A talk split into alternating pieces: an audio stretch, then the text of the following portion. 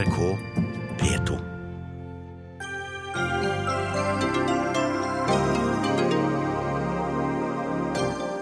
Ny flyavgift skal få oss til å fly mindre, hevder politikerne.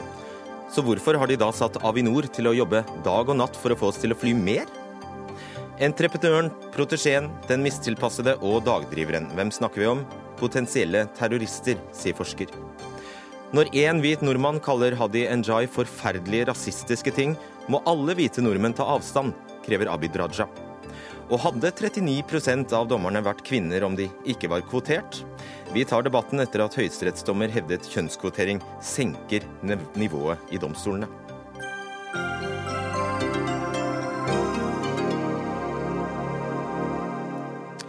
Velkommen til Dagsnytt 18. Den som skal forsøke å hoppe etter Anne Grosvold, er meg, Fredrik Solvang. Ved å ilegge alle flypassasjerer en eh, avgift på 88 kroner per flyreise, vil regjeringen, KrF og Venstre ha oss til å fly mindre. Og de kaller det en klimaavgift som skal gi statskassa 1,1 milliard kroner neste år.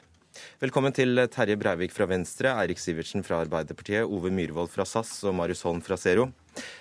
Først, opp med en hånd den som syns vi burde fly mer og ikke mindre. Ingen. Så alle, det betyr at alle mener vi burde fly mindre. Nei. Nei? Man skal fly, fly, så, skal fly så mye som det passer samfunnet. Og Ja. Det kan være både opp og ned, men ikke stor vekst, Litt vekst. for eksempel. Ok. Terje Breivik, nestleder i Venstre. Hvorfor, eh, eller hvor mye mener du egentlig at vi skal eh, fly mindre? Nei, Det som er viktigst med, med denne avgiften og et grønt skatteskifte, som dette er en del av, er jo, å er jo å fly mindre med fly som bruker dagens drivstoff. Det er utslippene som er, ikke nødvendigvis at du skal fly mindre, men du må stimulere også til å få fortgang i, i fly. Som sa du? Du må også stimulere til å få fortgang i å bytte ut flyparken og få fly som kan gå på, på drivstoff som slipper ut mindre. Det er jo det som er hele poenget. Ja. Men du, Eh. bare, altså, jeg forsto ikke helt. Skal vi fly mindre, eller skal vi ikke fly Du mindre? må, du må fly mindre med fly som går på dagens drivstoff, som, eh, som er en av de, de verste utslippene med tanke på klimaet. Og Får du ikke løst klimaproblemet, så sender du jo regningen til neste generasjoner. Så vi skal fly mindre. Eirik Sivertsen, stortingsrepresentant for eh, Arbeiderpartiet. Du sier også at vi skal fly mindre. Da er det litt rart at du har vært med på å gi Avinor et oppdrag som går ut på det stikk motsatte. Ja, nå lager jo du en eh, avstemning her på, på spark, og sånne avstemninger er jo ikke alltid like nyansert. Eh, Jeg er enig med Breivik at målet må være å kutte utslippene fra fly og fra flytransport. Det er det eh, viktige. Det, da blir det litt sånn i en klimaperspektiv, igjen for å være eh, kortfatta, litt sånn irrelevant hvor, vi, eh, hvor mye vi flyr. Det er viktig at utslippene går ned, fordi at eh, utslipp er en utfordring, og transportsektoren står for en stor andel av det, også flytransport. Jeg skal bare gjenta spørsmålet. Du sier vi skal fly mindre, men så har du altså gitt Avinor i oppdrag at vi skal fly mer. Hvordan går det? Ja, det jeg sier er at Vi er opptatt av at vi skal kutte klimautslippene. Ikke, jeg er ikke opptatt av å telle antall reiser, men jeg er opptatt av at utslippene fra samferdsel og transportsektoren og persontransport skal ned. For det må det hvis vi skal nå de målene vi har for utslipp. Interessant. Marius Holm, daglig leder i Miljøstiftelsen Zero. Som disse her to snakker, så skulle man formode at det fantes et helt fornybart eh, fuel, altså drivstoff, som alle fly kunne gå på. Ja, heldigvis så er jo det på vei. Eh, Men er det her? Det er eh, ingen som bruker det i dag. Eh, ikke i Norge, det brukes i andre land, men det står leverandører klare til å levere også til Norge. Og eh, det vil jo gjøre det mulig å, eh, å fly eh, uten, uten å forurense så mye. Men så er det La oss sånn at snakke om nå-situasjonen. ja, og, og det som er viktig å huske på, er at hvis alle i verden hadde flydd like mye som vi nordmenn, så ville for det første flytrafikken stått for enorme globale klimagassutslipp. Og for det andre så ville det da vært for mye til at vi kan dekke det med fornybart drivstoff. Så vi må gjøre to ting. Vi må fly mindre, og, så må vi, og det som blir igjen, det som vi flyr, det må skje med fornybart drivstoff. Så det du sier er at per i dag, siden vi ikke har dette fly, helt fornybare drivstoffet, så er den eneste måten å få ned utslippene fra flytrafikken, er å fly mindre. Ja, vi må gjøre begge deler. Vi må gjøre det dyrere å fly, og så må vi gjøre det billigere, eller altså mer lønnsomt for flyselskapene å velge fornybart drivstoff. Vi må gjøre begge deler på en gang. Og nå gjør vi faktisk det. Statsbudsjettet har sørget for at vi gjør nettopp de to tingene. Det blir dyrere å fly, men det blir også, eh, det lages også en sånn rabatt på landingsavgiftene til de som velger å fly med fornybart drivstoff. Så dette statsbudsjettet sørger i og for seg for at vi tar riktige skritt i begge de nødvendige retningene. Det er artig du sier det, for i det samme statsbudsjettet så har altså regjeringen økt bevilgningene til luftfart med 1 milliard, og statseide Avinor eh, har som mål å øke flytrafikken, og de ønsker å opprette 20 nye langdistanseruter. Terje Breivik, hvordan henger dette på greip? Nei, Dette henger jo på greip. sant? Husk på et grønt, et grønt skatteskifte som eh, flyavgifter er en del av. Sant? Pengene som staten tar inn på avgifter, bruker du da til å gi lettelser på det du vil ha mer av sysselsetting, arbeid. Sant? Du setter, ned, du setter ned skatten på arbeidsinntekt. De gir folk større valgfridom til å kunne velge alternativ. Eh, de kan òg velge å fly, hvis de vil bruke merinntektene på det. Eh, vi bruker deler av inntektene til å gi rabatt på fly som nettopp går på biodrivstoff, sånn at du stimulerer markedet til å få fortgang i å utvikle biodrivstoff. Sånn at du òg får fly som slipper ut mindre enn i dag. Så, så 20 det, nye, bare svar på det. Så, det, 20 nye langdistanseruter, det tilsvarer et utslipp på 1 million eh, tonn, eh, tonn CO2-ekvivalenter. Hvordan greier du å trylle det vekk i din, eh, i din argumentasjon? Nei, altså For Venstre sin del er jo da, det er jo da jeg er med på å tydeliggjøre hvorfor det er viktig å bruke skatte- og avgiftssystemet for å få folk til å velge alternativ. Sant? Altså fly, fly mindre. Men, men da, må, da, må, du ha muligheten til å kunne, eh, kunne velge, og det er jo en del av et grønt eh, skatteskifte. Ok, Ove Myhrvold, du er altså direktør for samfunnskontakt i, i SAS. Kan du fortelle, forklare eh, hvordan, hva, hva, som, hva, gjør Avinor når dere vil, sier dere vil opprette en ny rute, f.eks.? Altså, Avinor er jo selektiv på hva de vil da. Eh, vi får ingen rabatter eller noe som helst for å øke trafikken innenlands i Norge. Slik at Det de har først og fremst fokus på i Avinor, er jo nye ruter til langdistanse. Det ønsker de? Det ønsker de. Og da gir dere, da, hva får dere da? Da gir de oss oppstartsrabatter og markedsstøtte og sånne ting. Sånn at dere skal starte nye ruter? Ja, eksempelvis. Men det er jo veldig marginalt antall ruter det gjelder, da, for å si det sånn. Hovedtyngden av all luftfart i Norge er jo innenriksluftfart og til og fra Nord-Europa. Marius Holm, henger dette på greip? Det er en eh, ganske inkonsekvent eh, politikk. Eh, vi har klimamål for Norge som tilsier at vi må redusere alle utslipp, også luftfart. Vi har nå også virkemidler som skal prøve å redusere utslippene i luftfart. Men vi har en modell for utbygging av lufthavner som gjør at hvis, hvis man har vekst, så bygger man økt kapasitet for å håndtere veksten. Og det er klart at hvis vi ønsket å begrense forurensningen fra luftfart, så kunne en, en måte å gjøre det på være å si at nei, nå får dere ikke lov å bygge større flyplass. Nå får dere heller sette opp landingsavgiften, og så får vi få en, en balanse i, i, i, trafikkflyten på Gardermoen f.eks. uten å øke kapasiteten. Så, så, her er det et stort paradoks. Og jeg må jo også nevne at vi har jo også en kraftig subsidie av luftfart gjennom taxfree-ordningen, som gjør at eh, flyplassene tjener milliarder på å selge avgiftsfri tobakk og alkohol, som subsidierer luftfarten. og Det er også en rimelig absurd eh, måte å drive samferdselspolitikk på. Erik Sivertsen, du sier du vil at vi skal fly mindre. Likevel er du imot denne nye flyavgiften? Jeg er imot den flyavgifta, fordi at eh, for meg så fremstår ikke her som en miljøavgift.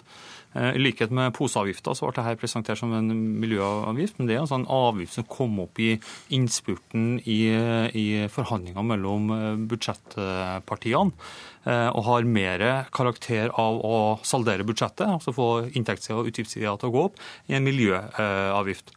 Og Det vi er veldig kritiske til, altså for det første så kommer det her i tillegg til at unntaket for, for, transportsektoren til å være, ha differensiert arbeidsgiveravgift falt bort. Eh, vi øker nå eh, merverdiavgifta på persontransport, så kommer det her på, på toppen. Og i tillegg så rammer så det du sier da er at det er distriktsfiendtlig? Ja, det er jo spiste veldig, men jeg sier at det trekker i feil retning i forhold til distriktene. Og for min landsdel, jeg som bor i Nord-Norge, så altså, vi har jo ikke noe reelt alternativ når vi skal forflytte oss over en distanse til et fly. Så det her vil jo ramme innbyggerne og næringslivet i, i landsdelen eh, hardere. Og disse konsekvensene er ikke utreda, og det er også tvil om miljøeffekten av, av det her, her, tiltaket. Det gjør at vi er kritisk, eh, kritisk til det. Korthånd. Ja, det er ganske lite tvil om at det har en miljøeffekt. Vi har jo nå sett trusler fra flybransjen om eh, store reduksjoner i ruter, at, eh, at eh, hele, hele, lufthavner skal legges ned. Så det er klart at det er store reduksjoner i utslipp som kommer som en følge av dette. Men jeg skal gi Sivertsen rett i én ting, og det er at avgiften ville vært enda mer effektiv hvis den lå rett på utslippene. At vi gjorde fossilt flydrivstoff dyrere, først og fremst. Da ville vi både gjort det dyrere å fly, men også gjort det mer lønnsomt å velge fornybart drivstoff. Sivertsen, hvordan forklarer du at i en uttalelse om klima fra landsmøte, siste landsmøte i Arbeiderpartiet heter Arbeiderpartiet vil utrede flyseteavgift, inspirert av tysk modell? Jo, Det forklarer på den måten at vi er opptatt av å lete etter måter å redusere utslipp fra eh, fly på. Eh, dette er en av modellene som vi kunne tenke oss å vurdere. Men det er jo et sånt nøkkelord i den uttalelsen som, eh, som da regjeringspartiene og støttepartiene ikke fikk med seg. Det var at før vi iverksetter så må vi utrede det. Det betyr å se på hvilke virkninger har det her, hvilke positive virkninger får vi, og så veier dem opp imot de negative. Og I dette tilfellet så mener vi at så langt så synes de negative konsekvensene er større enn de positive. Men natt til lørdag var det kanskje ikke tid til å utrede dette, Breivik?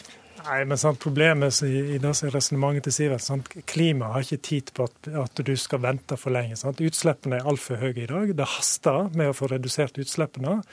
Eh, dette er da jeg kaller gjerne en moderat, en moderat avgift. Kanskje en avgift som er såpass lav at ikke du får den, den effekten som er nødvendig sågar. Eh, samtidig som du da bruker merinntektene som dette gjør, og til å stimulere stimulerer bransjen, markedet Så for deg gjør det ikke noe om den virker eller ikke? Jo, det er svært viktig at den virker, men som jeg, som jeg sier, sannsyn, hvis han virkelig skulle virke, så burde han sannsynligvis ha vært høyere. Du burde òg gjort det som Marius Holm tar til orde for, altså lagt avgift direkte på, på kjelde, altså drivstoffet. Det, det er ikke Venstre imot. Eh, men, men, dette var det som vi klarte i disse budsjettforhandlingene. Og Det er jo heller ikke rett som Sivertsen sier, at dette er, er, noe som kom opp eh, natt til lørdag. Dette har jo Venstre hatt i sine budsjettforslag i mange mange år, så dette er jo ikke noe ny tanke. Og det er heller ikke noe som Norge er først, først i verden på. Sant? Du har fly, flyavgift både i Tyskland og i Storbritannia. Ok, Myhrvold, Det er vel ganske åpenbart hvorfor dere er imot dette. Dere ønsker vel bare rett og slett ikke at vi skal fly mindre? Nei, men Saken er at det blir sett litt på hodet her. Det, Norge og luftfarten er med i Europas kvotehandelssystem. I tillegg har vi en særskilt CO2-avgift innenlands i Norge.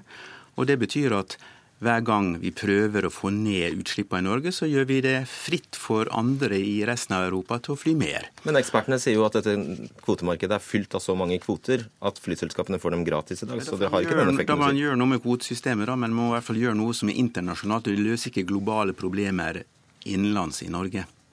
Utslippene de skjer jo ikke globalt, de skjer lokalt. I, alle utslipp skjer i et land. Så når hvert land kutter sine utslipp, så går de globale utslippene ned. Og dette her koker jo egentlig ned til spørsmålet hvem skal betale for vår flytrafikk, for vår forurensning? Er det de som flyr nå? Eller er det neste generasjon som skal ta regninga i form av katastrofale klimaendringer? Du vil svare på det, Myhrvold? Jeg vil bare si at eh, luftfarten står for 3% av klimautslippene i Norge.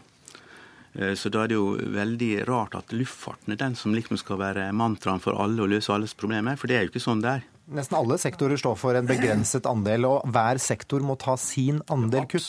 Og det har ikke luftfarten gjort hittil. Derfor så må luftfarten begrenses i volum, og den må få en rask overgang til fornybart drivstoff. Sivertsen Rast, ser du overhodet noe problem i at eh, Avinor planlegger en kapasitetsøkning på OSL, altså Oslo lufthavn, bare der fra 23 til 28 millioner eh, passasjerer i året, og at dette kolliderer med det ønsket, uttalte ønsket her om at vi skal fly mindre? Ja, Det er en åpenbar uh, utfordring. og Hvis det er sånn at dette fører til betydelig økte utslipp fra uh, flytransporten, så er jo dette et problem. Og Derfor så må også flybransjen ta sin del, uh, del av kuttene. Men da, det når vi ikke bare med å innføre denne typen fiskalavgifter. Da må vi også ha insentiver som gjør at man f.eks. begynner å bruke biofuel på, på, flyene. Der har flyselskapene en utfordring med å være mer fremoverlent. Men jeg er enig med, med Zero her at altså det kutt kutte i eh, utslipp som følge av flytransport som er det viktige.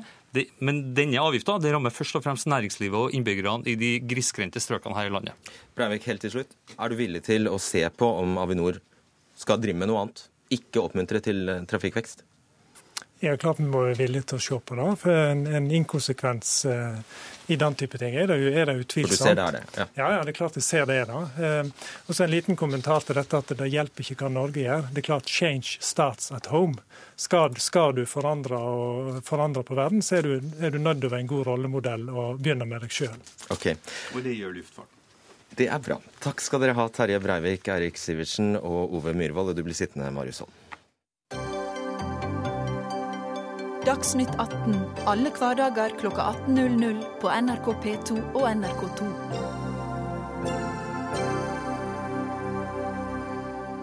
Ja, For det er ingen som har ansvaret for de aller verste klimasynderne, skriver Aftenposten i dag, nemlig internasjonal skipsfart og luftfart, som er utenfor de nasjonale CO2-utslippene. Det vil si at ingen vet hvordan man skal gjøre noe med det, eller hva man skal gjøre, gjøre med disse utslippene. Og nå har faktisk disse utslippene blitt så store at vi må finne en løsning. Er det ikke sånn, Marianne Tronstad Lund, du er forsker ved CICERO Senter for klimaforskning. Først, hvor store utslipp snakker vi om? Vi snakker om uh, utslipp på altså, I dag så står luftfart, internasjonal luftfart og internasjonal skipsfart for omtrent 5-6% av de totale globale CO2-utslippene våre uh, samla sett. Uh, det høres jo kanskje ikke så mye ut relativt, men det er jo også mange andre land og mange andre sektorer som er på den størrelsen der. Og da har jeg lest meg til at et utslipp på rundt to millioner Altså at dette tilsvarer utslippene til et svært land som Tyskland f.eks.? Det tror jeg kan stemme. Tyskland eller Canada eller noe rundt, eh, rundt, der, ja. Så hva er det som er så veldig vanskelig her? Det som skjedde, var at man i 1997, når man fikk på plass Kyoto-protokollen, som jo er det eneste rammeverket vi har hatt for utslippsreduksjoner så langt, så klarte man ikke å bli enige om hvem som skulle ha ansvar for disse to internasjonale sektorene. Så man klarte altså ikke å, fordele utslippene og, og si at du er ansvarlig for å redusere disse, og du er ansvarlig for å redusere disse. Og Dermed så ga man vel kanskje litt opp akkurat den planen der. Og så overlot man det til de to internasjonale organisasjonene eh, for eh, henholdsvis sivil eh, luftfart og skipsfart. Og har de gjort noe, da? De har uh, jobba mot noe. Uh, så langt så har det gått veldig tregt. Uh, det har ikke ført til tiltak som har vært så konkrete at det har gitt utslippsreduksjoner så langt. Skipsfart, for, for, skipsfart så har de nå uh, fått på plass noe som de kaller for energieffektiviseringsindeks, som betyr at alle skip bygd etter 2025 må ha, være veldig mye mer drivstoffeffektive enn dagens uh, skip. For luftfart så jobber de mot noe lignende, nemlig en CO2-standard for nye fly. Ok. Marius Holm, du er fortsatt uh, fremdeles daglig leder i Serio. Hva mener du må gjøres her? Først må du si at det er veldig vanskelig å bli enige når alle land skal være med. Eh, og Det er jo grunnen til at man ikke får til, får til noe på, på, de slike globale samarbeid. At eh, alle må være med, og, og ellers så blir det på en måte ingenting.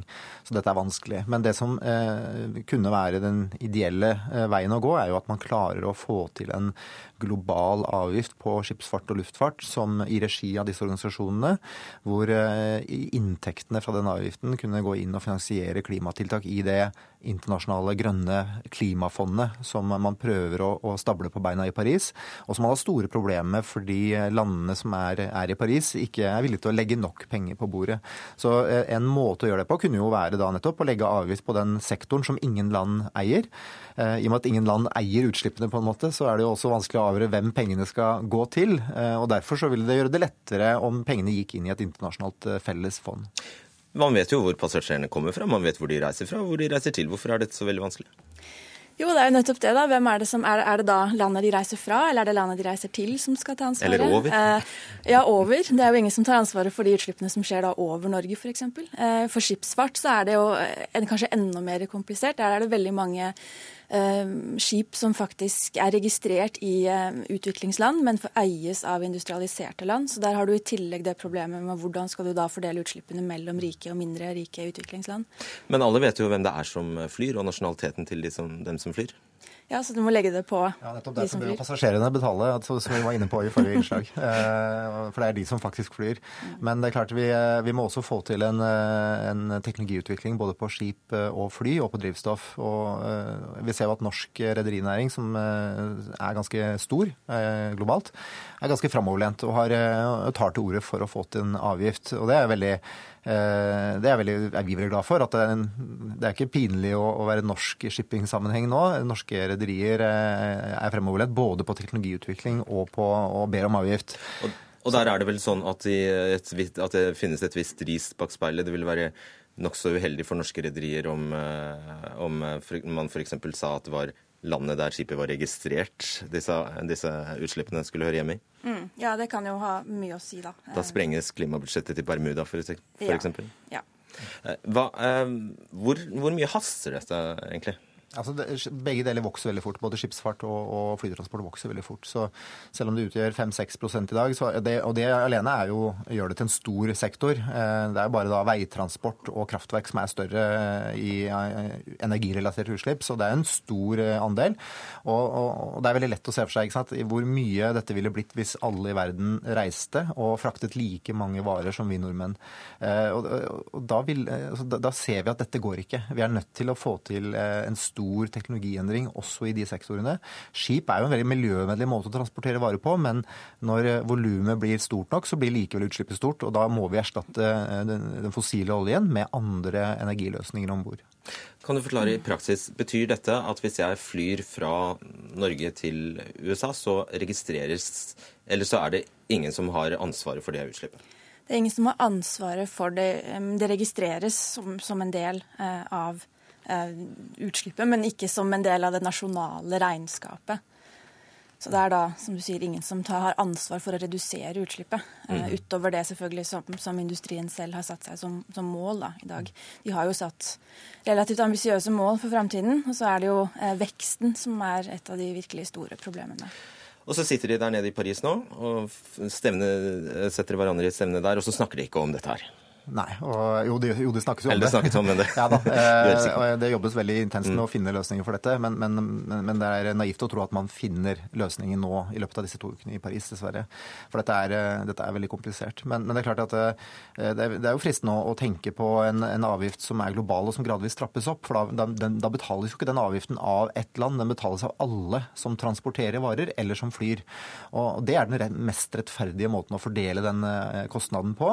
Og hvis det ble lagt en CO2-avgift på luftfart og skipsfart på størrelse med den CO2-avgiften vi har i Norge f.eks., så ville det eh, til sammen utgjøre rundt, eh, rundt, det beløpet man prøver å stable på beina i, i, det grønne klimafondet nå, sånn 100 milliarder dollar eh, i størrelsesorden. Så det er klart at dette, er ganske, dette kunne vært en veldig eh, fristende og god løsning. Men problemet da, det er alltid noen som setter hæla i bakken og eh, blokkerer for gode løsninger. Ja, for flyselskapet vil ikke ta bølgen for et sånt forslag, f.eks. Ja, det vet jeg ikke. Akkurat det forslaget vet jeg ikke hva de vil uh, si om. Uh, men altså, som sagt så har jo de også et, de har jo satt seg mål for framtiden. Uh, absolutt. Så, så, jeg vil si at luftfartindustrien er jo utad ganske oppmerksomme på sin egen klimapåvirkning. Det er de. Ok. Dette var opplysende. Takk skal dere ha, Marianne Tronstad Lund og Marit Solm.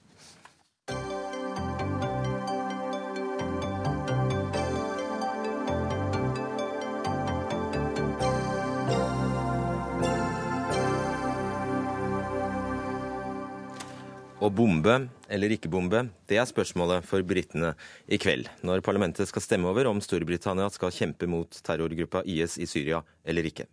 Fra før har britene bombet IS i Irak, men nå skal de altså ta stilling til om de skal angripe også i Syria. Kristin M. Haugevik, du er seniorforsker ved Norsk utenrikspolitisk institutt, NUPI.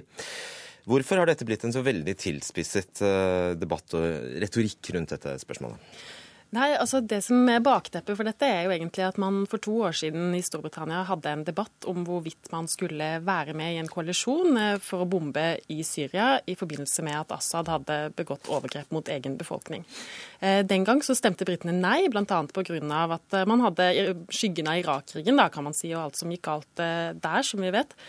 Um, og, og, Derfor så, så, tror jeg nok at opptakten på dette, som er en litt annen situasjon, hvor man har IS som en litt annen type fiende, man har hatt, uh, hatt uh, hendelsen i Paris, og en del andre ting som gjør at dette blir veldig dramatisk og, og, anspent, samtidig som man har en, en ny Labour-leder som er veldig anti-intervensjon. og Derfor så får man ganske, ganske, harde fronter på begge sider, og det så vi også i dagens debatt, hvor både Cameron og Corbyn leverte veldig Eh, hva skal vi si, veldig intense innlegg i debatten for sitt syn, da, å bombe eller ikke bombe. Og Da forstår vi at eh, Cameron har tatt til orde for å bombe, og Corby har sagt nei. Det stemmer. Mm. Men så har eh, Cameron sitt eget å stri med i eget parti. Det er ikke så enkelt som at hele, det konservative partiet støtter han. Eh, for Camerons del så er faktisk dette en, eh, en ikke så eh, så problematisk situasjon. Fordi at, at han har egentlig et nokså samla parti bak seg. Men, men, Jeremy Corbyn, opposisjonslederen for Labour, han, han, er i en litt vanskeligere situasjon. Fordi i Labour så er det flere som har ønska å stemme med regjeringa for intervensjon. Og Derfor så kommer utfallet mest sannsynlig i dag til å bli at Storbritannia stemmer for å gå sammen med USA og andre allierte i, med å bombe. Eh, mens da Corbyn må fristille sine, sine parlamentsmedlemmer og la de, la de, få lov til å velge sjøl hvor de vil stå. Mm. Og Da er du med oss, London-korrespondent Espen Aas. Hvordan har debatten forløpt i parlamentet? Det er jeg litt fra trafikken her i noen sekunder til, men jeg er absolutt med. Hvordan har debatten rundt dette forløpt i parlamentet så langt? Nei, Det gikk jo galt for så vidt fra start, i og med at eh, statsminister David Cameron i et eh, møte i sin gruppe i går kveld kalte Jeremy Corbyn og de som skulle stemme med ham, for eh, folk som var på samme side som terroristene. Terroristsympatisører kalte han dem, og derfor så brukte de fleste på andre siden av gulvet store deler av debatten å forsøke å få Cameron til å si unnskyld, noe han åpenbart ikke hadde noen planer om. Eh, før debatten etter hvert klarte å, å pense seg litt mer inn på hva er det britene skal gjøre, og hva har britene å vinne på å gjøre dette. Men det var noen stygge taklinger lenge der. Deler du Haugeviks eh, analyse her, at det trolig går mot et ja? Ja, alt tyder på det. Altså, jeg var uh, selv sammen med flere parlamentsmedlemmer i går kveld, både fra Labour og fra det skotske nasjonalistpartiet. De skulle alle stemme nei i dag, men de hadde ingen illusjoner om at de kom til å vinne dette. Uh, de tippet uh, en overvekt på Camerons side på mellom 50 og 70 parlamentsmedlemmer. Eh, nå kan nok være at eh, Camerons tøffe tone kanskje kan ha vippet noen tvilere over på eh, nei-siden, men Cameron har jo hele tiden gjort det klart at han ikke ønsket engang å ha denne avstemningen hvis ikke han vant den, for det ville være et for stort PR-kupp for IS. Hvorfor er dette så veldig viktig for Cameron? For Camerons del så handler det ifølge ham selv om å gi Frankrike den hjelpen de har bedt om. Han vil ikke være en makt, stormakt som sier nei til det. Det andre argumentet som han har brukt om igjen og om igjen, om igjen i debatten i dag, har vært at eh, Storbritannia er i fare. Eh, når som helst så kan det komme et angrep her. I morgentimen i dag så ble det arrestert flere menn eh, i nærheten av Luton, som angivelig skal ha planlagt terrorangrep her i Storbritannia. Og han sa også i debatten vi skal ikke se bort fra at det nå kan komme eh, et anslag mot oss i løpet av de kommende ukene, men husk da på at det trolig er et angrep som ville kommet uavhengig om vi satte inn eh, bombefly eh, eller ikke. Så han gjentar, i likhet med mange i regjeringen, at Storbritannia stadig er under trussel. Og Hva skjer da etter at de har bombet IS i Syria? Haugevik, har de en plan? Nei, det er jo det som er selvfølgelig fryktelig vanskelig å si, nettopp fordi man har bakteppet av disse tidligere intervensjonene i Libya, i Syria og i Afghanistan hengende over seg. og Det var et av argumentene Corbyn brukte veldig sterkt i dag. At uh, den gangen så hadde man en plan om å intervenere, men, men uh, etter at, uh, at man var ferdig med det, så hadde man egentlig ingen klar plan for hvordan man skulle bygge det opp. Eh, og så har jeg lyst til å bare si også til det som, som Espen Aas er inne på her, at, at, eh, nasjonal sikkerhet interessant nok er jo et moment som brukes av begge sider i denne diskusjonen. Fordi Cameron argumenterer, som Espen Aas sier, eh, veldig sterkt for at nå må vi, nå ser vi hva som har skjedd i Paris. Nå må vi, og vi har allerede avverga en del angrep her, men vi må intervenere og vi må stille sammen med våre allierte. Men Corbyn bruker det samme argumentet ved at han sier at dersom vi går inn her, så kan vi også skape grobunn for mer terrorisme. fordi vi bomber og vi driver folk på flukt.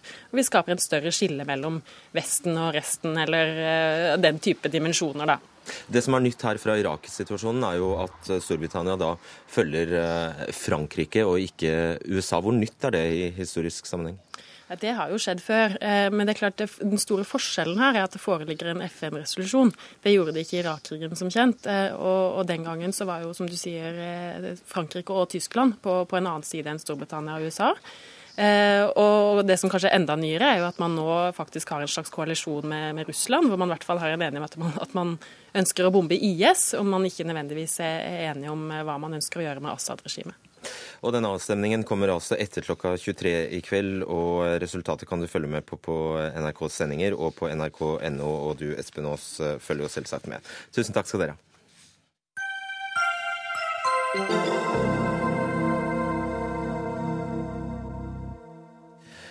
Etter terrorangrepene i Paris 13.11 meldte det store spørsmålet seg nok en gang. Hvem er i stand til å gjennomføre slike anslag, og hvordan endte de opp som selvmordsbombere? Dette er spørsmål som stilles over hele Europa nå, i et forsøk på å finne svar på hvorfor mennesker helt ned i tenåringsalder bestemmer seg for å bli ekstrem islamist. Så hvem er disse menneskene? Peter Nesser, du er terrorforsker ved Forsvarets forskningsinstitutt, og du har nylig skrevet boka 'Islamist Terrorism A History in Europe' om islamistiske terrorceller i Europa, der du altså skriver at det finnes fire mennesketyper som altså går igjen blant de som radikaliseres. Vil du kort fortelle de, hvordan de fire typene er, hvilke fire typer det er? Bare si litt kort om eh, boka først. Ja. Det er da en, eh, en, historisk framstilling der jeg ser på hvordan eh, jihadistiske nettverk ble danna i Europa helt siden 90-tallet og fram til i dag. Og I forbindelse med det så har jeg gått gjennom da og samla informasjon om 151 saker. Og så har jeg studert 40 av de i mer detalj.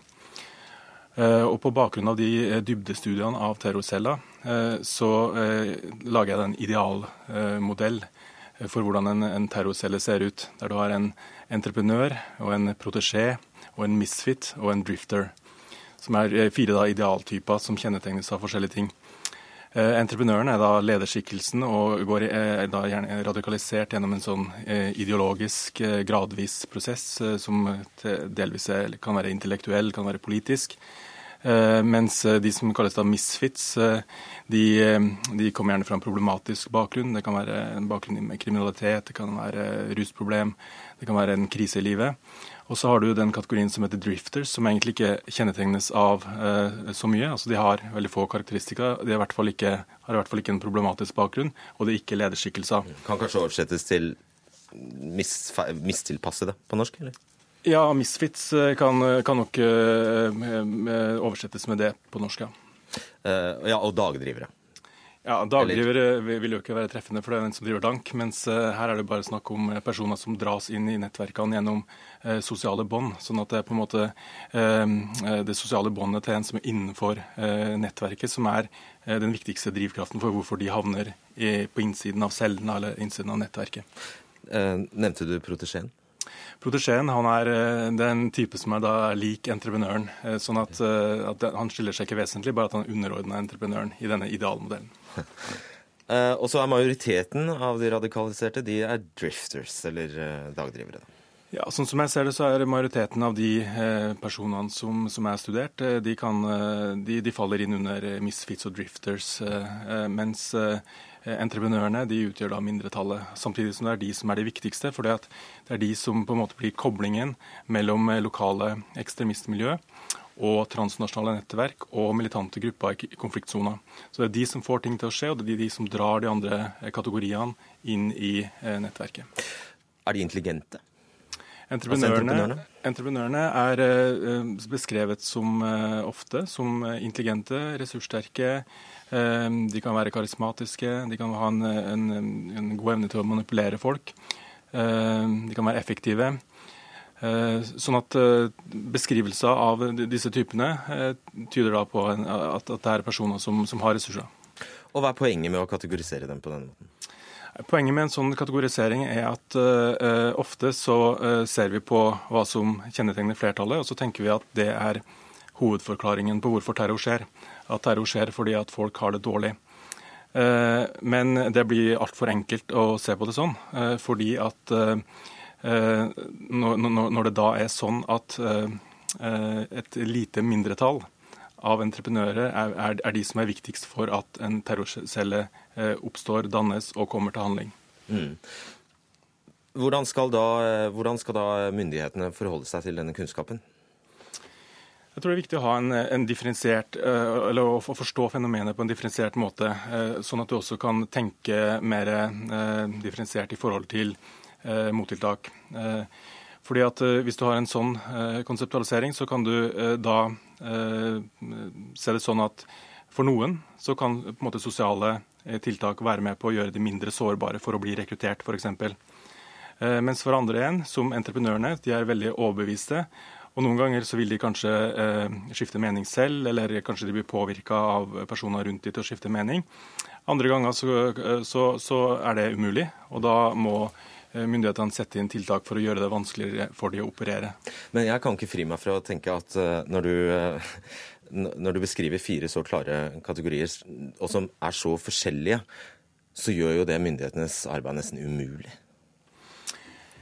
Jo, men samtidig så, så, er, det, så, så er, det, ikke Selv om det er, er, sammensatt, så er det likevel mønster. Og, og, det å forstå dette mønsteret og forstå denne dynamikken gjør eh, både myndighetene og sivilsamfunnet bedre i stand til å gjenkjenne fenomenet, sånn at de kan eh, eh, da innrette sine forskjellige forebyggende tiltak, eller også da konkrete mottiltak for å hindre terror ut ifra det. Har du blitt mer eller mindre skremt etter hvert som du har gått gjennom disse sakene? Det er klart at terror, altså Antallet terrorhendelser i Europa over det tidsrommet jeg har studert, har jo variert i, i, gjennom perioden. Eh, og det er ofte knytta sammen da med eh, væpna konflikter i muslimske land. Eh, over de siste årene så har det vært en nokså betydelig økning. Og det er også sånn at noen av aksjonene i hvert fall er i hvert fall planlagt som, som, veldig store og farlige angrep. Og den generelle situasjonen med IS i Syria som en sterk aktør, Syria og Irak som en sterk aktør, og også da eh, forhold som eh, flyktningstrømmer og andre ting som, eh, som utfordrer kapasiteten til sikkerhetstjenester, så er det jo ikke noe optimistisk bilde sånn som situasjonen er nå. Du er pessimist? Jeg vil si at jeg er pessimist i den, den forstand at, at, jeg tror ikke vi har sett det siste jihadistiske terrorangrepet i Europa. Og så skal vi bare legge til at PST har allerede sagt at dette er veldig nyttig litteratur for dem. Takk skal du ha, Petter Nesser.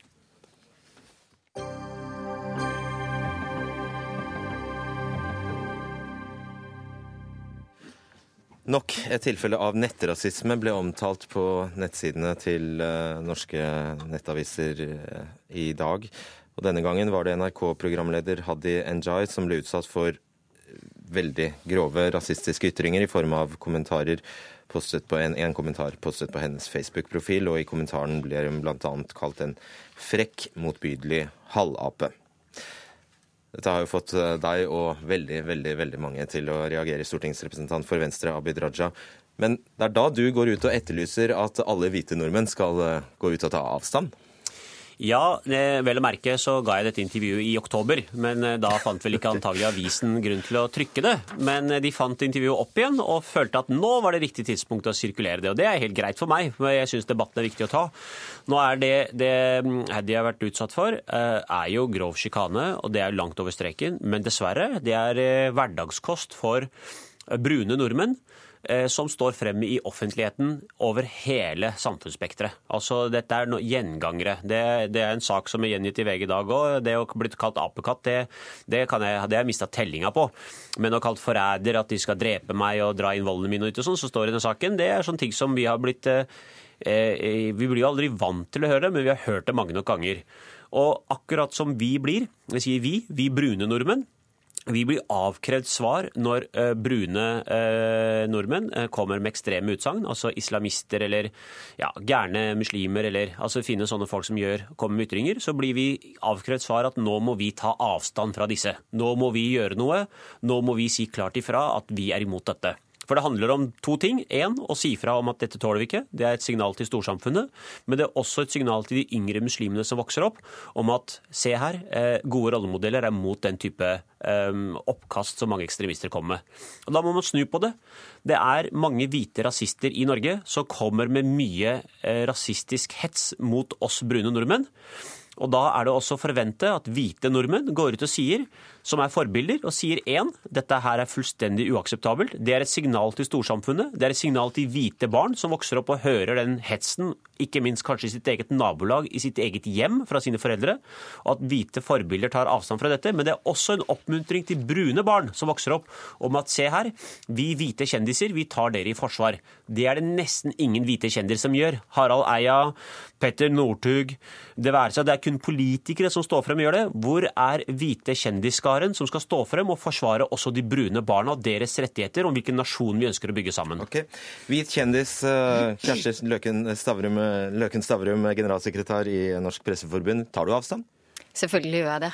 Jeg tror eh, de fleste gjør faktisk det. Eh, men, men spørsmålet som Abid Raja reiser, er jo bør, man, bør denne gruppen stå opp og, og gjøre noe spesielt? Må alle hvite nordmenn ja, ta, gå ut og ta avstand for det en hvit nordmann har gjort? Og jeg, eh, Det kan man gjøre. Jeg er mer opptatt av at jeg syns ikke at man skal oppfordre grupper til å ta avstand fra det enkeltpersoner gjør. Jeg syns heller ikke at man skal forvente at eh, vi brune, som Abid Raja sier, eller muslimer, skal føle en særlig forpliktelse fordi noen eh, har gjort noe i, forvirret i Mohammeds navn. Eh, gjort noe galt i Mohammeds navn. Men det er jo det som skjer. Du ser jo det at det ja, er det, det som skjer. Ja, det gjør det. Og jeg, jeg, jeg syns egentlig at Abid Raja burde, burde, advare mot den type gruppetenkning. At noen skal eh, bli påtvunget å tilhøre Eh, noen som man antar at kunne sympatisere med, med både rasisme eller, og terrorisme, for den del. For det er jo akkurat de samme situasjonene vi begynner å putte folk i bås.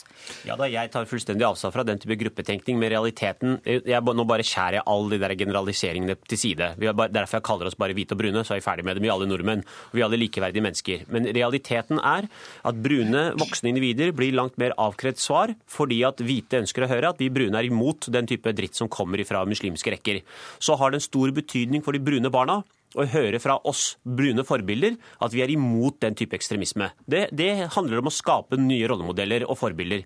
Og vi vet at det er hvite barn i Norge som har sine egne foreldre som spyr ut rasisme i, egen, i, sitt eget hus og i sitt eget nabolag. Fordi at det vokser opp barn i Norge med rasistiske foreldre. Hvilket ansvar skal da hvite forbilder ta for dette, for å endre den oppfatningen. Og det er klart, ikke bare for de hvite barna, men også for de brune barna. Å høre at, vet du hva Northug sier? Hørte du hva Northug sa? Han sa 'jeg er mot all type rasisme', og vi skal ikke drive og kalle hverandre apekatter. Hvorfor sportskjendiser? Hvorfor idrettskjendiser? Er overrasker mange folk, er å høre at eh, jo alle eh, norske hvite barn digger Northug og Johaug, men også brune norske barn ser opp til Northug og Johaug. Men kanskje de ikke er engasjert i dette i det hele tatt? Selvfølgelig er de ikke det, men det er jo derfor alle, altså det er det som er mitt anliggende, og det er at det er veldig mange med hvit hudfarge. De slipper unna å ta avstand ifra den type grums. Mens de brune, som er forbilder, slipper ikke unna de samme spørsmålene. Og jeg, For meg så kunne vi godt droppa den gruppetenkninga, men realiteten er at klarer det hva slags nasjon vi skal bygge, da må alle ta et grep. Og det gamle slagordet 'kamp mot rasisme der du jobber, der du bor', det betyr at alle skal ha et ansvar. Også idrettsstjerner, også Harald Eia, også TV-kjendiser og andre må gå frem som gode eksempler og si vi vil ikke ha den type hets og rasisme i landet vårt. Det er jo i kommentarfeltene Løkken Stavrum, at dette spesielt eh, kommer fram. Er det på tide å enten stenge dem eller eh, overvåke dem eh, nøye? Altså det, det hva kan man si, det, Kanskje et av de eneste gode man kan si av kommentarfelt, er at nå har vi blitt kjent med at det eksisterer meninger som vi ikke visste at fantes før vi fikk kommentarfelt og sosiale medier. Men utover det så er jo kommentarfeltene en stor belastning ofte for dem som blir eh, omdiskutert der nede. Eh, og, og, der er det i hvert fall ingen eh, samfunnstopper som, som engasjerer seg. og journalistene selv flytter jo debatten om sine egne saker til uredigerte medier som Facebook og Twitter. Så, så det er klart at kommentarfeltene er en kjempebelastning. Eh, og jeg tror jeg, jeg, tenker at det Abid Raja kanskje heller burde engasjert seg i, er om, om vi alle eh, i, eh, tar ta vi nok inn over oss eh, den rasismen som, som fins eh, og som nå blir uttrykt i sosiale medier. Men jeg, det syns vi, syns vi um, skylder diskusjonen også å minne om det Hadinjai også skrev, at dette faktisk var det første innlegget hun hadde merket seg av denne typen. Og det, det er en, også en veldig viktig beskjed, selv om jeg har stor sympati når Raja uh, nevner opp hvilke angrep han har fått. Ja, men ikke, jeg, ikke, jeg, jeg, tåler det. Så jeg har levd med det, så jeg klarer det. Og jeg tar opp også de debattene som du sier at jeg burde ta opp.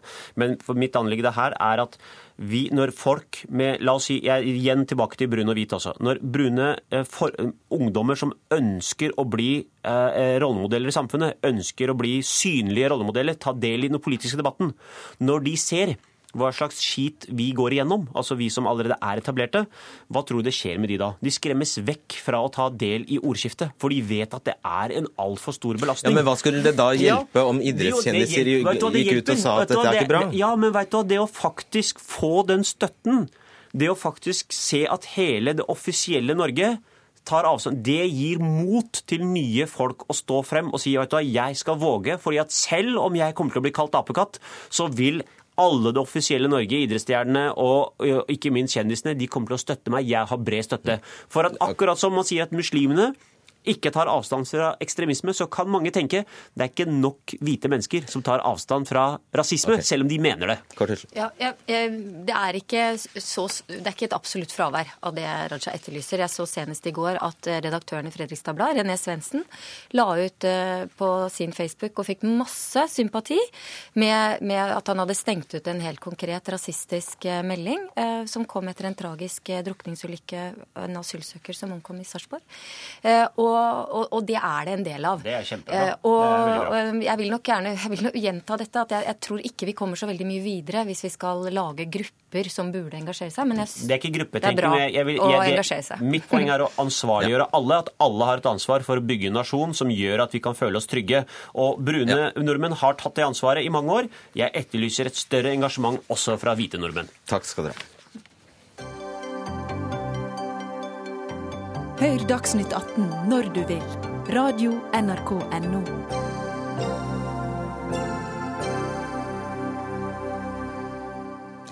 I 1944 sto Finnmark og Nord-Troms i brann, og rundt 50 000 personer måtte forlate husene sine og evakuere mange hundre kilometer sørover. Filmskaper Knut Erik Jensen, du var eh, fire år da du og familien din ble satt på en båt fra Honningsvåg til Harstad og tilbrakte senere deler av oppveksten din i en flyktningleir. Og så mener du at denne delen av historien er eh, viktig eh, å belyse akkurat eh, nå. Hvorfor det? Jeg syns jo at det er jo en interessant referanseramme for en nasjon å ha. Altså Det gjelder både politikere og ikke minst historikere. og Generelt så er jo det en kunnskap som man kunne ha og bruke som en bakgrunn for å forstå den problematikken som man nå er midt oppi når det gjelder flyktningeproblematikken. Vi var jo, altså Hele Finnmark og Nord-Troms var jo faktisk båtflyktninger. Vi var båtflyktninger i november 1944 eh, med, ja, med ganske strabasiøse og dramatiske opplevelser som jeg tror oss mange sitter igjen den dag i dag. Og vi kjenner det igjen. Når jeg ser eh, flyktninger fra hvor som helst i verden, så slår det inn både i meg og mange i min generasjon at vi kjenner igjen situasjonen. Vi ser redsel, sorg, eh, går det en uviss fremtid i møte. Og på den tida der så klarte jo faktisk det norske samfunn å absorbere under et NS-styre 50 000 flyktninger, som ble mottatt på samme måte som flyktninger i dag med åpne armer av enkelte, med at folk vendte ryggen til, likegyldighet og andre ting. Så det var hele det samme spekteret som vi ser i dag, og den samme problematikken. Og da syns jeg at de erfaringene nasjonen hadde da, kunne komme nåtiden til gode. Men det er jo store forskjeller også. Vi snakker jo her om eh, ikke minst det faktum at dette er utlendinger. Her var det, I 44 var det snakk om nordmenn. Det kan man si, men for mange så var vi utlendinger. Vi var et fremmedfolk. altså Finnmarkingene besto av en veldig blanda eh, menneskegruppe. Det var samer og kvener og nordmenn om en annen. Og de så ut, jeg vil si faktisk, dårligere ofte enn de flyktningene vi ser i dag når det gjelder klesdrakter og transport og sånn. Så, så, egentlig så var vel, jeg holdt på å si, den tidens finnmarkinger nesten like mye utlendinger i sitt eget land enn eh, Eller likedan som i dag, på en måte. Ok, Så, så, så i én setning, hva er det du vil vi skal forstå? Nei, vil Man skal forstå at, um, at man følelsesmessig går inn i den situasjonen med kunnskapen om sin egen historie. Og Det er det mitt neste prosjekt handler om. Det handler om akkurat det som kommer etter disse hva skal vi si, fysiske opplevelsene man har. Altså de traumene og alt det der som varer ved. Kanskje en hel generasjon, kanskje to generasjoner. Og Hvilken handling mener du det skal avstedkomme hvis vi mobiliserer denne empatien eller sympatien? Ja, jeg tror jo kanskje først og fremst det må inn i skoleverket. For de som er fra 40 år og oppover, er det kanskje allerede for seint, holdt jeg på å si. Men, men jeg mener at f.eks. har jo NRK lagd en usedvanlig intelligent og god serie som jeg sjøl hadde ansvaret for, som heter 'Finnmark mellom øst og vest', som nå blir frigjort etter 30 år. Som jeg mener bør være obligatorisk påsyn for alle i videregående skole.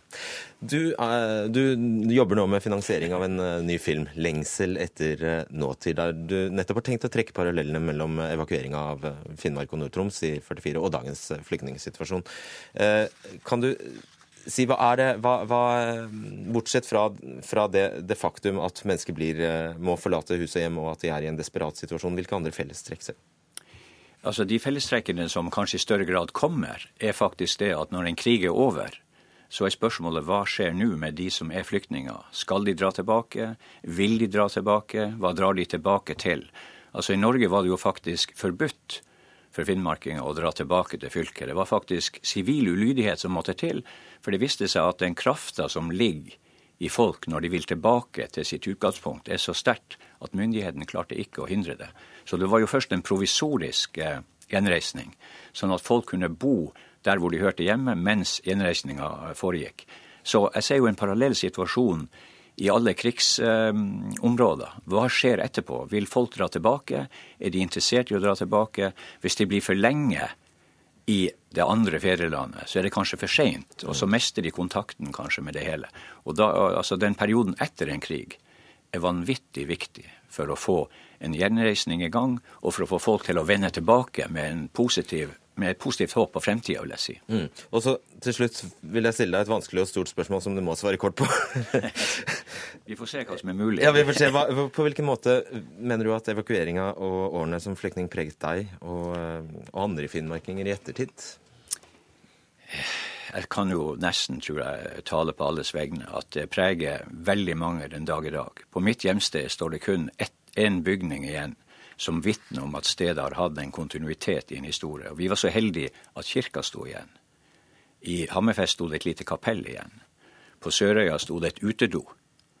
Altså, det er klart at, at det her det forsvinner ikke med én generasjon. Og nå ser jeg jo at at eh, både andre og tredje generasjon er opptatt av disse tingene, for at de blir konfrontert med det i den nye situasjonen. Og da er spørsmålet hvordan reagerer de sjøl i dag på å bli konfrontert med en lignende situasjon i 2015? Og det er det min film egentlig handler om. Derfor heter den 'Lengsel etter nåtid'. Takk skal du ha, Knut Erik Jensen. Hør Dagsnytt 18 når du vil. Radio NRK.no.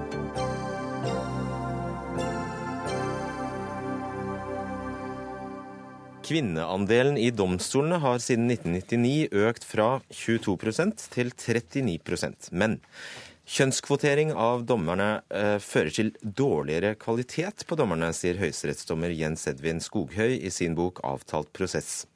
Etter at Dagens Næringsliv skrev om dette, har saken skapt reaksjoner, bl.a. fra deg, Anine Kierulf, advokat. Eh, du er enig med Skoghøy. Er du overbevist, er du også overbevist om at denne statistikken hadde sett helt annerledes ut uten kvotering? Jeg har uttalt meg på generelt grunnlag om at det finnes noen nedsider ved kvotering til faglige stillinger. Eh, og at eh, jeg syns det er viktig at de nedsidene også blir diskutert, istedenfor å bli eh, avskrevet som gammeldagse og mannssjåvinistiske. Det er noen nedsider ved kvotering til faglige stillinger. Det ene er at det er vanskelig å vite hva som ligger i moderat kvotering. Hvor moderat er den, og hvor likeverdige er de kandidatene som måles mot hverandre. La oss definere moderat og radikal kvotering først ja, radikal kvotering, Da setter du kvinner eller menn først, alt ettersom, selv om de er dårligere kvalifiserte enn de andre. Med eh, moderat kvotering menes at du eh, foretrekker det kjønnet som er underrepresentert, eh, hvis vedkommende ellers er likt eller tilnærmet likt kvalifisert. Så da ligger det spørsmålet hva er tilnærmet likt kvalifisert. Det er også et problem med faglige stillinger både i domstolene, på universitetet og andre steder, at det ofte er flere organer som er inne og vurderer. Hvis hvert av de organene vektlegger litt kjønn til fortrengsel for faglighet, hvis det er det som er tilfellet, Eh, så blir det fort ikke moderat kjønnskvotering i sum. Er du enig i hovedpostulatet, at kvaliteten på norsk eh, dommerstand er lavere enn den burde vært pga. kvotering? Det kan ikke jeg gå inn i, for det er veldig vanskelig å undersøke. Men, men hans resonnement, som da er blitt latterliggjort, det er at hvis det er slik at man opprioriterer folk som er litt lavere kvalifisert faglig pga. kjønn, over tid så vil det føre til en forringelse av den faglige kvaliteten. Merete Smith, eh, du er altså generalsekretær i Advokatforeningen. Eh, dette er vel et poeng? Eh, jeg mener at det ikke er noe belegg for å si at kvaliteten i norske domstoler er blitt lavere fordi man har foretatt kjønnskvotering av mindre flinke kvinner. For det første så mener jeg, for det første så er det jo blitt de som driver med dette og innstiller på dommere ved, ved ansettelse av nye dommere, sier at det svært sjelden foregår kjønnskvotering av kvinner, selv om det har skjedd noen ganger. Eh, og dessuten så har vi jo sett at søkna, eh, søkningen til domstolen de siste årene har økt. Det er flere som søker til domstolene. Det er blitt vanskeligere å få jobb som dommer i domstolene. Og både masse flinke kvinner og masse flinke menn søker seg til domstolene. Og det er ikke noe rart at det er masse flinke kvinner som søker domstolene. Eh, altså Det er en spennende stilling. Eh, det er i hvert fall eh, tilnærmet regulert arbeidstid. Det har høy status.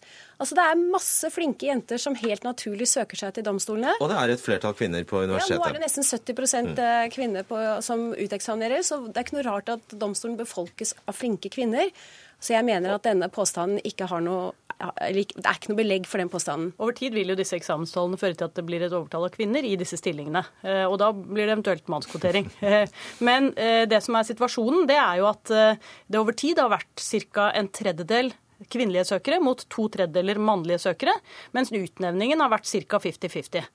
Det kan jo hende at det er fordi det bare er kvalifiserte kvinner og ikke fullt så mange kvalifiserte menn som søker i de søkergruppene, men det er ett tall å ta med seg.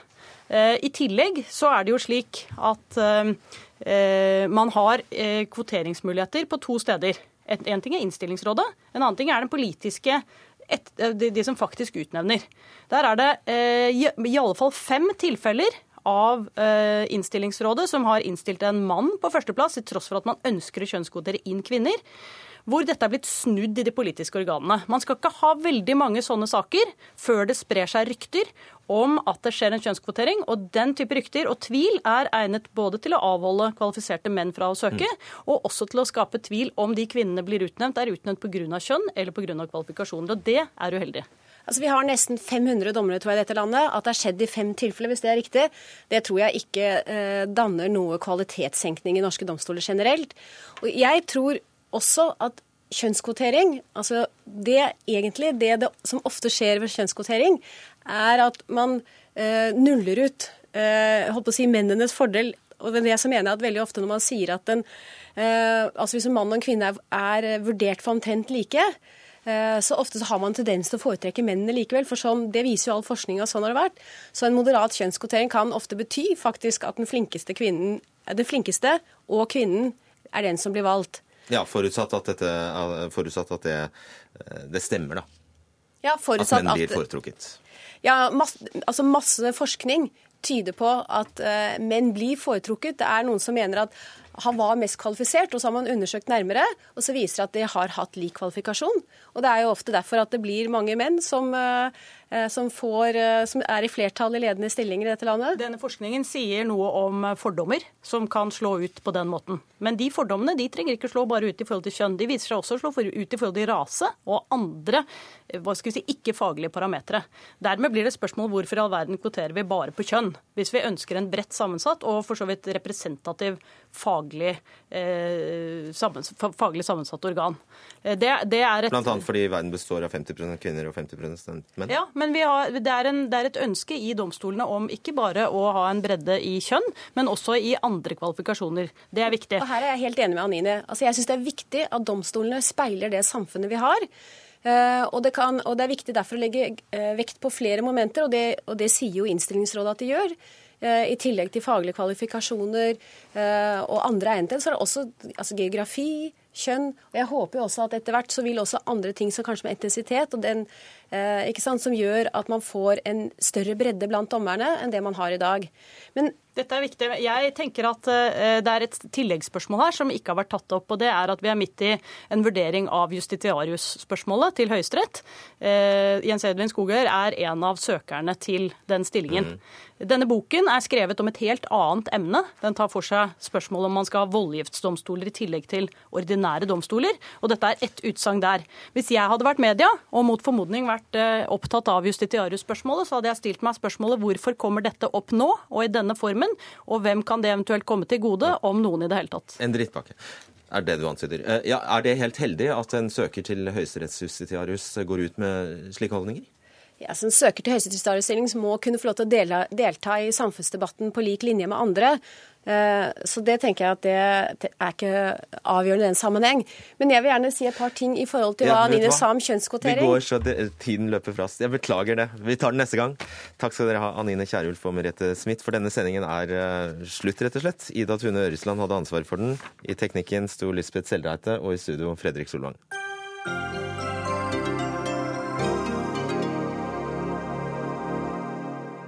Hør flere podkaster på nrk.no podkast.